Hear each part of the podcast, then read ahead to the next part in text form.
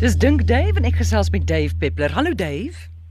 Hallo Amore, wie ek mos nou so ver loop, jy kan my nou frikkie fynbos noem. um, ek is jammer, maar mens doen dit maar vir jou werk. Ek is jammer Dave. Maar ons sê dit. Ons hoor jou mooi hard en duidelik. Janet, hallo. Hallo Amore en Dave, Florencie. Middag. Weet jy, uh, 'n vriend van my het hierdie ek ken dit as reuse Amerikaanse boontjies. Dis so plat boontjie. Dis nie die jaartene nie. En dit het hulle nou die naweek uitgehaal wat hulle nou klaar gedra. Maar daar's nie wortels onder aan nie. Dis sulke groot patats. Wat is die doel van daardie goeders? Ek uh, weet jy waarvan sy praat? Hallo. Hallo. Mm. Ja, praat maar ja, Dave, skus tog. Ek het 'n vermoede dat hierdie boontjies soos meeste van die van die boontjie familie stikstof gefikseer het. Met ander woorde, ek dink jy het baie goeie bronne van stikstof gehad en wat wat soos klein patats lyk is eintlik net die organe of die simbiotiese samewerking tussen die stikstof produseerende, ek dink is bakterie en die wortel. Met ander woorde, ehm um, as jy mens kyk na al die ertjie familie byna fikseer hulle stikstof in hierdie hierdie knoetse wat jy sien is die klein fabriekies wat stikstof maak vir die plant. Daar sê. Baie dankie en mooi gaan julle. Goed, dankie. Charlotte, hallo. Goeiemôre.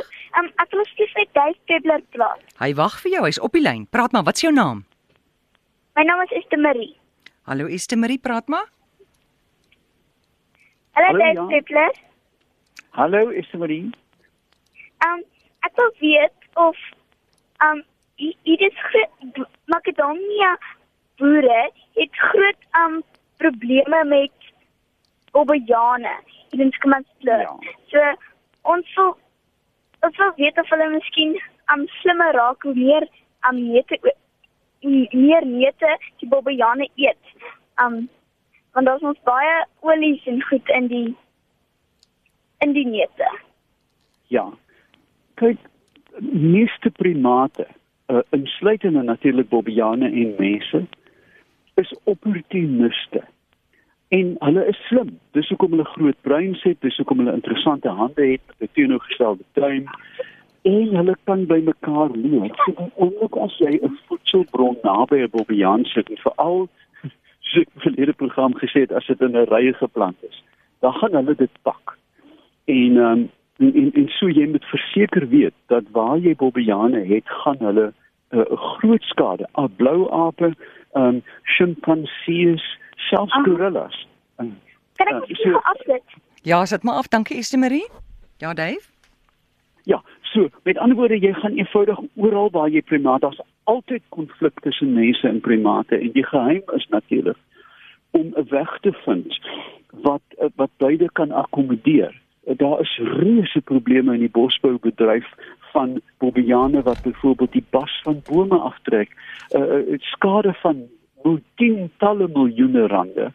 Um en daar is weet hierdie konflik veroorsaak natuurlik altyd ook menslike konflik mm. want jy sies met enige plek soos jy kap mense en honde mense het, weet jy bobiane en aap mense. Um wat lief is vir die goed wat die mens verstaan. Maar eers moet die mense kompromie aangaan en sê wat kan ons doen aan beide die bobiane en aan die produsent om die skade te verminder. En gewoonlik is dit struktureel. Jy kan 'n elektriese heining daar sit of jy goed skrik maak of wat ook al. Maar dit is 'n baie moeilike en komplekse vraag. Goed, so die makadamia neute maak nie daai bobbejane slimmer nie. Hulle was al slim van die begin af. Maar hulle is van hulle kom van ver af. Um, ek dink eh, dit is baie moeilik om natuurlik die intelligensie koëffisiënt van 'n bobbejaan te meet. Jy kan mos nou nie net sit en kruisies trek op 'n papier nie. Mm. Maar um, ek dink nie dat evolusie in terme van intelligensie werk so vinnig nie. Hulle is slim gebore. Ja, maar Esmerie, eet in elk geval jou makadamia neute, dis goed vir jou. Sari van Port Elizabeth sê ek het 'n kapok hennetjie. Sy was al 2 keer broeis. Toe is daar twee hane tussen die kuikens. Ons moes hulle weggee oor die gekraai. Hulle het soms die hennetjie gedek en nou dat hulle weg is, het sy begin kraai. Hoekom? Dit is 'n vreemde gedrag. Ek dink nie sy kraai so volledig soos die hane nie, maar ek ek ek, ek het dit al van tevore gesien. 'n kan nie 'n rede gee daarvoor nie. 'n Mens sien dat indien diere um weggeneem word van 'n lewensmaat of 'n paarmaat. Jy sien dit by beeste. As as die bul weggeneem word, die arme ding is nou seker bietjie moeg en dan word hy nou in 'n kampie gesit. en dan begin die beeste mekaar dek. Ek weet nou nie fisies met mm. penetrasie nie, maar hulle boots dit na. Um so skryf dit toe aan hormone. Um dit is dit staan bekend as verplasingsaktiwiteit, um displacement activity in Engels. En mense sien dit waar diere geïsoleer word nadat hulle blootgestel is aan die teenoorgestelde geslag. So sou dit nie ontwikkel het as hy sonder hande groot geword het nie. Goed. En dan vra Peer ook hier op die e-pos, hy sê Kan Dave asseblief vir ons verduidelik wat het in die geskiedenis gebeur dat die kerkvaders so 'n negatiewe obsessie teenoor seks gehad het? Môre kan ons praat tot om 2:30 vanaand, dan kan ek dit miskien tot 8uur, tot 8uur. Nie half 9 nie. Ja. Ja. Kom ons kyk na strukture wat menslike gedrag beheer. Een van die eerste goed was natuurlik geloof wat sê jy sal getrou wees aan iemand. Jy vind dit in alle gelowe dat mans en vrouens aan mekaar vrouens aan mekaar toe vertrou word en toe gesweer word en sê till death do us part gaan ons netjies nou by mekaar bly. Dan um, is daar die ding van sindelikheid dat jy moet uh, jou sweet afwas dat jy nie uh, uh, wel lustige uh, wel lustige boodskappe in die lug kan instuur nie. Um, maar vir al die westerse kerke um, jy kan hoor hoe versigtig hoe klein trap ek nou ek wil nou nie 'n uh, uh, storm nie veroorsaak nie. Maar die met ander woorde uh, by name die katolieke kerk um, by name die um, NG kerk uh, onthou jy die ou NG kerk? Wat jy's te jonk maar ek onthou nie daarvan van toe die regering nog die uh, ontegwette gehad het ensovoorts ensovoorts ek het 'n vermoede dat die kerk strukture, ek sê nie die kerk nie, maar sekere strukture in die kerk onderdruk wat natuurlik by mense voorkom en dan maak dit 'n groot gevoel van skuld en jy weet wat gebeur met skuld. Dit is so lekker om mm. sonde te pleeg as jy skuldig voel. Ehm um, met ander woorde dis oorregulering van van die kudde. En weet jy almore daar's 'n fantastiese oosterse filosoof met die naam van Suzuki en hy was 'n zen boeddhis. En luister mooi luister as hy het gesê as jy jou kudde werklik wil beheer, gee vir hulle groot weikampe. Is dit nie mooi nie? Mm. Moenie mense afkamp in klein hokkies nie want hulle gaan beklei teen die tralies. Gee vir hulle vryheid en dan kom die die adelheid van die mens na vore en sê dis hoe mense hom gedra. Natuurlik is daar uh, monsters en rowers tussen ons. Ons weet dit. Maar in die algemeen het die mens 'n baie goeie sintuig van wat goed en en reg is en dit seëvier as jy vir hom vryheid gee en nie inperk nie. Help my gou vinnig, ek kry nou nie Afrikaanse woord nie. Wat is salvation nou weer in Afrikaans? uh verlossing. Verlossing.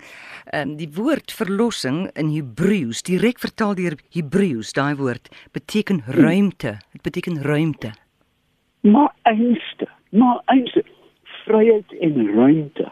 Um, en en ek dink dit is waar die kerke so jy weet uh, as jy kyk die confession, jy weet die die waar jy gaan bieg. Nou sê die kerk sê 500 heil meer is betaal 20 lire en dan kan jy sê alright, jy weet jy kan nou weer aangaan. Maar um, ek ek het 'n vermoede dat nie denkende kerke is is baie vinnig besig om hierdie rigiditeit te laat gaan en vir mense sê volg jou hart binne die raamwerk van die kerk en dis baie beter as om daar te staan en hmm. sê jy weet die wat die Amerikaners sê sulfur en brimstone dat swaal sal op jou kop reën dit help niks mense gaan die volgende oomblik hulle gaan uit die kerk kyk en pleeg hy self te sonde weer dit het te doen met geestelike ruimte. Goed, dankie Dave. Ons vat 'n oproep. Charlotte, goeiemôre. Hallo. Goeiemôre. Hi, ek kan maar praat. En ek wil graag weet wanneer mense glitterige skulp in jou oor hou, mm. kom is daar 'n stuising wat klink soos die see. Goed, dankie. Luister by die radio. Dave? Van die van die beste luidsprekers op aarde wat gemaak word deur 'n firma met die naam van Bowers en Wilkins. Word die skulpvorm as kas van hulle luidspreker aangeneem wat dit is die perfekte akoestiese ruimte. En as jy die skulp dan oor jou oor afsluit, dan dit is byna om jou ore bak te maak met die hand. Jy kan dieselfde effek kry deur as jy nie mooi kan, jy weet ou mense wat sê, "Wat sê jy my kind?" dan kry jy ook die geruis. Ek kan dit nie um, ek kan dit nie fisies of in in in die fisika verduidelik nie, maar dit veral by skulpe het dit te doen met hierdie fabelagtige perfekte ruimte dat die oor letterlik begin soek na klank, né? En dat die brein dan hierdie hierdie dit bestaan bekend as white noise, net wit geluide maak. Um, so dis eintlik dis nie dis nie ware geluide nie. Dit is die brein wat geflous word deur die absolute volkomme omgewing daarom. Jy, jy kan dit ook as jy regtig in die in die naamlik gaan sit um, op 'n duin en daar's niemand naby jou nie. Dan kan jy haal die stilte jou in en dan begin die stilte ook so suis. Ek sê 'n bietjie wie wat ek sal doen. Ek gaan 'n bietjie nalees en dan sit ek op my Facebookblad verder verpak vanaand op by duifpeppler.co.za.